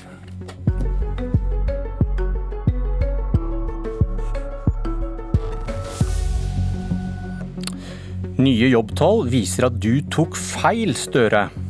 Den nye arbeidsministeren mener Arbeiderpartiets dystre spådommer er gjort til skamme. Vi lykkes. Siden 2016 har 130 000 flere kommet seg i arbeid, skriver Torbjørn Røe Isaksen. Arbeiderpartiet innrømmer at de tok feil, og nei da, det blir debatt. Velkommen til Politisk kvarter, arbeids- og sosialminister Torbjørn Røe Isaksen. Tusen takk. I Nettavisen skriver du om at Støre tok feil. Hva var det han sa som du mener han og Arbeiderpartiet bommet på? Det de bommet på, det var at uh, de sa uh, konstant under oljeprisfallet og dermed og oljekrisen at det regjeringa gjorde, det var, det var, for lite for seint. Eh, sa at ledigheten kom til å bite seg fast på et høyt nivå, i hvert fall sånn cirka det. Eh, og det har vist seg at det var feil. Det har vist seg at det regjeringa gjorde, gjennom å trykke litt ekstra på gasspedalen, bruke litt ekstra penger, det har gjort at eh, vi kom gjennom krisen på en ganske god måte. Og har gjort at vi har gode muligheter nå til både vekst i norsk økonomi, og har hatt vekst i norsk økonomi, og til å gi flere folk jobb, rett og slett. Du skriver da at siden denne krisa i 2014 har flere, eh, flere i jobb vært jobb nummer én for regjeringen. Og at som jeg sa i sted, vi lykkes, det er skapt 130 000 nye jobber siden 2016. Og Du ramser opp hva regjeringen gjorde. Vekstfremmende skatteletter, endringer i arbeidsmiljøloven, satsing på forskning, utbygging av vei og bane, for å nevne noe. Men Var det noe vesentlig du glemte å skrive når du skal forklare at det er skapt flere jobber? Eh, nå, når du spør på den måten, så antar jeg at du har et eller annet som du mener jeg har glemt. Jeg lurer på om du, det, du, bevisst, kanskje... jeg lurer på om du bevisst har utelatt noe? Nei, jeg har, ikke, jeg har, ikke, bevisst utelatt noe, men nå, hvis du sier hva du ja, hva, tenker på, så blir det lettere å ha en diskusjon om det. Hva har regjeringen gjort for å få opp oljeprisen i denne perioden, fra 2016 f.eks.? Å ja, du tenker på det, ja. Nei, altså, det er klart at øh, det er masse faktorer som regjeringa ikke styrer i norsk politikk. Og sånn er det uansett hvilken regjering som sitter. Så det at oljeprisen også gikk opp igjen, det, er klart det har vært kjempeviktig for norsk økonomi. Men nå er det jo ikke sånn at når Arbeiderpartiet kritiserer regjeringas politikk, så pleier de normalt sett å rette den inn mot det som er politikken. Men, eh, Selv om men, man, ofte, man, ofte, gir eh, regjeringen skylda for alt som går gærent uansett. Jeg skal og ikke gir regjeringa æren for noe av det som går riktig uansett. Vi skal komme til det, og Jeg skal bare sitere hva du skrev da. Siden krisa rammet i 2014, har derfor flere i jobb vært jobb nummer én for regjeringen. Ferske jobbtall viser at vi lykkes. Siden 2016 har 130 000 flere kommet seg i arbeid. Og Du skriver ikke et ord om alle disse faktorene du nå innrømmer har betydning. Men, nei, men det er fordi dette handler om politikk. og Man kan jo fint se for seg en helt annen situasjon. Man kan se for seg at regjeringa svarte med en annen politikk. Det er ikke noe vanskelig å se gjennom økonomiske kriser som vi har hatt i, i historien, hvordan gæren politikk Det å f.eks. ikke trykke litt ekstra på gasspedalen når det begynner å butte imot i økonomien, kan gjøre at krisene blir verre, at arbeidsledigheten biter seg fast på et, på et høyere nivå, og at man ikke kommer ut av det så raskt. Så har selvfølgelig oljeprisen også veldig mye å si. Eh, og Det er en viktig diskusjon også for norsk økonomi framover. Hvordan vi skal få flere bein å stå på ved siden av olje og gass. Da kan jeg trekke fram, da kan jeg trekke fram hva økonomiprofessor Steinar Holden har sagt. da. Hvem som styrer, betyr svært lite for hvor mange jobber som skapes. Ja, Det er jeg helt uenig med Steinar Holden i. Eh, og Steinar Holden har ledet såpass mange offentlige utvalg også, diverse Holden-utvalg, at eh, det å oversette det til at politikk ikke har noe å si, det er jeg grunnleggende uenig i. Men er det en, ærlig, er det en ærlig, tekst, er det en ærlig tekst ja, når du ikke nevner ja, noe annet enn regjeringens politikk for å forklare jobbveksten? Jeg mener at det må være lov å skrive. altså Vi har en politisk diskusjon med Arbeiderpartiet om hvilken politikk som var riktig for å møte en av de største økonomiske krisene Norge har hatt. Og da mener jeg det er helt ærlig, rett, rett fram og riktig å kunne skrive en tekst om hva regjeringa har gjort politisk, uten å skrive en avhandling om norsk økonomi. Eh, det mener jeg også for øvrig er greit hvis man diskuterer f.eks. helsepolitikk. At man ikke tar inn alt som har med eh, demografiske endringer eller andre variabler som gjør at helsen vår, vår endres. Men det er helt, helt, greit å gjøre. Men så er det ikke sånn at man kan sitte, sitte, og benekte eller legge skjul på at internasjonale konjunkturer har ekstremt mye å si for en, for en konkurranseutsatt, åpen økonomi som Norge. Men, men spørsmålet er... 50 av det vi produserer ja. og av varer og tjenester, det eksporterer vi ut. F.eks. handelskonflikter eller spørsmålet er, jo, spørsmålet er jo om det er greit å framstille som om disse nye jobbene kommer som følge av regjeringspolitikk, Nei, er, uten å nevne men, disse andre faktorene. Men det er, her er poenget med min veldig enkle artikkel i Nettavisen er følgende, og det står allerede i overskriften. Det er Arbeiderpartiet sa at den politikken vi førte var gal. De sa at den ikke kom til å få arbeidsledigheten ned, ikke kom til å skape flere jobber i privat sektor. Det har vist seg feil. Eh, og da er det sånn at Når jeg retter den kritikken mot Arbeiderpartiet, så sier jeg at den politikken vi har ført, den har ført til at flere har kommet til jobb, har ført til økt verdiskaping i privat sektor. Og jeg mener at et viktig bidrag til det også har vært at regjeringa håndterte oljeprisfallet og, og sysselsett, altså eh, krisen som kom i kjølvannet av det, på en god måte. Hva betyr mest, da? Nei, Regjeringens sånn at for eller eh, for? For, for, en liten, åpen økonomi som Norge, så vil dessverre alltid det som foregår ute i den store verden bety mest. Men det betyr ikke f.eks. at eh, når, når, internasjonale handelskonflikter slår inn og påvirker investeringene i norske bedrifter, så betyr det ikke at regjeringa ikke kan gjøre noe. For det kan vi gjøre. Vi kan f.eks. jobbe hardere med frihandelsavtaler. Vi kan jobbe i WTO, for å bare ta ett, ett lite eksempel. Hva kan man tjene på å blåse opp politiske forskjeller, da? Nei, Jeg mener ikke at dette er å blåse opp politiske forskjeller heller. Jeg mener at dette er en helt renhårig og grei diskusjon om eh, hva Arbeiderpartiet sa og hva som er fasiten. Så var det, Hvis det hadde vært sånn, så skal jeg ta, kan ta forbehold om én ting. Hvis det var sånn at Arbeiderpartiet under oljekrisen hadde sagt at vi tar selvfølgelig høyde for her at de internasjonale konjunkturene ikke svinger. Eh, og, og, men med utgangspunkt i det så mener vi at regjeringa har feil politikk. Og ikke det Arbeiderpartiet sa. Arbeiderpartiet sa regjeringa gjør feil. Okay, regjeringa så... eh, gjør for lite for seint. Ledigheten kommer til å bite seg fast. Arbeidsledigheten kommer ikke til å gå ned. Ingenting av det skjedde. Fordi de synder, så kan du da gjør det samme. Um, Nei, men, men jeg, mener at, jeg mener at du, du, griper fatt i en, det du gjør, at du griper fatt i en enkeltsetning, og det du krever er at et politisk innlegg skal også være en slags sånn miniavhandling om alt som påvirker norsk økonomi. Og det er ikke sånn at det Donald Trump og Kina gjør, eller oljeprisfallet, eller svingninger i valutamarkedene, eller masse faktorer som er der ute, ikke påvirker norsk økonomi. Snarere tvert imot. Det er noe av det mest avgjørende for oss. Okay. Men politikken vi fører her hjemme, har faktisk faktisk også noe å si. Eh, da kan jeg bare avslutte med å si at Grunnen til at jeg taler opp, er at vi har sittet her før, ikke med deg, men med Høyre, som har gjort akkurat det samme. Sagt at regjeringspolitikk fører til flere jobber og så glemmer man disse uten. Ja, men, nå, men, men, nå, har vi ny, ny gjest her. Nå er det viktig å si at det er ikke, nå sier ikke jeg, altså det er jo ikke jeg som har skapt disse jobbene. Jeg var næringsminister nei. i deler av denne perioden. Dette er jo norsk næringsliv som skaper disse jobbene, ikke politikerne. Men regjeringens politikk har bidratt til at vi har en situasjon hvor ledigheten er lav. Da, Elise Bjørnebekk Vågen, du sitter i arbeids- og sosialkomiteen på Stortinget for Arbeiderpartiet. Velkommen. Takk. Arbeiderpartiet ga regjeringen tøff kritikk for å ikke klare å gjøre noe med ledigheten. Feil politikk. Hva vil du da si om regjeringspolitikk politikk når ledigheten faktisk har gått ned? Det, altså vi står ved den kritikken, og det handler først og fremst om at andelen som er i jobb i Norge, er altfor lav. Det å ha folk i jobb, det har vært en paradegren Da må jeg bare stoppe deg og si at det var ikke det dere sa da, det var dere kritiserte ledigheten. Eh, dette med sysselsettingsandelen, den kom dere til litt seinere. Så hva, sier, hva, sier, hva sier du nå om at dere kritiserte eh, regjeringen når ledigheten var høy? Eh, hva sier du nå når den har gått ned? Ledigheten er jo en del av totalen, men her handler det også om andelen folk i jobb.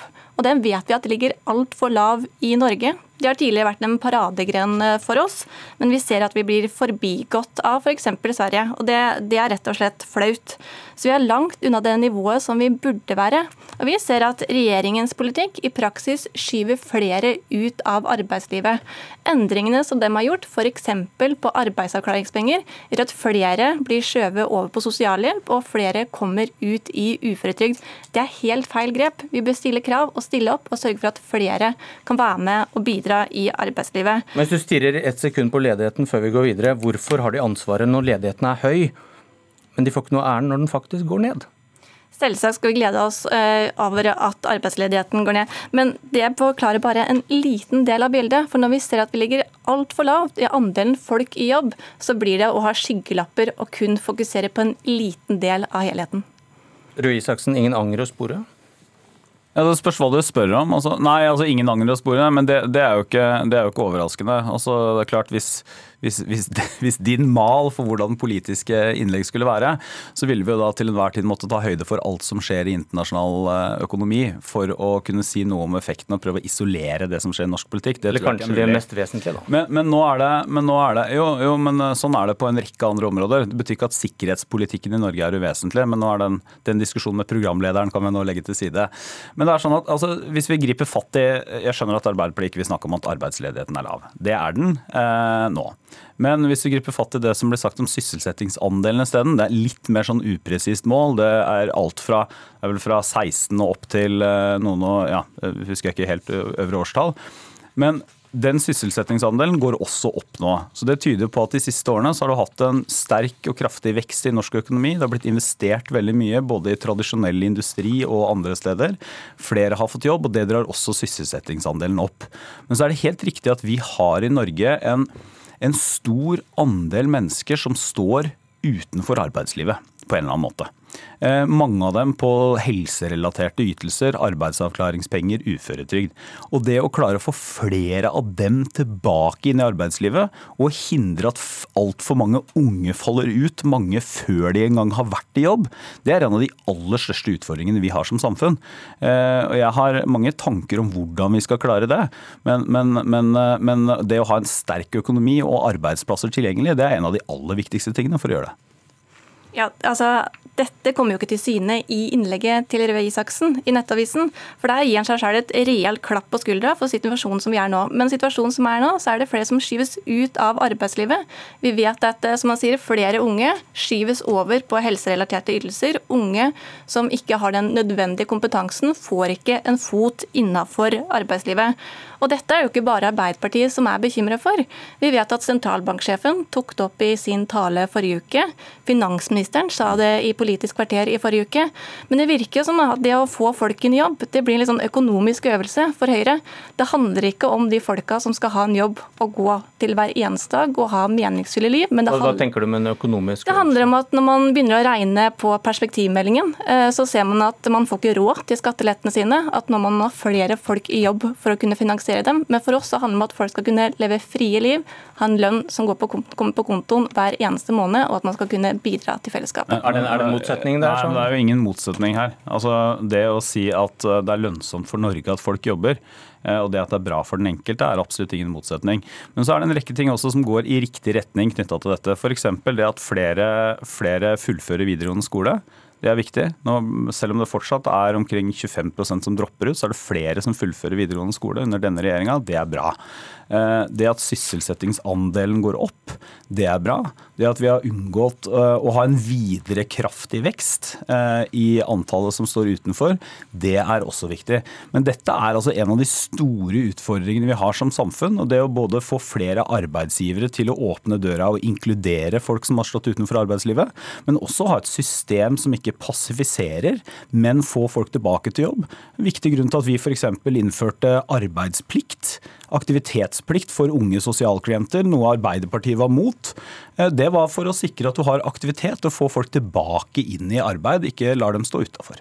Hva konkret er det dere vil gjøre annerledes, da? Nei, altså, altså Her er det jo rett og slett eh, spørsmål om rettferdighet. fordi at Man bruker jo ikke de store pengene på å få folk inn i arbeid. Man har brukt 1 milliard kroner i skattekutt til de 1000 rikeste, framfor å satse på f.eks. unge som står på utsiden. Og Da Røe Isaksen satt i opposisjon, så var han kraftig bekymra for økningen i antall uføre. Siden den gang og fram til nå så har det vært en 80 økning. Vi ser at det er unge som står og banker på døra, vil inn, men får ikke den kompetansen de Eh, trenger. eh, F.eks.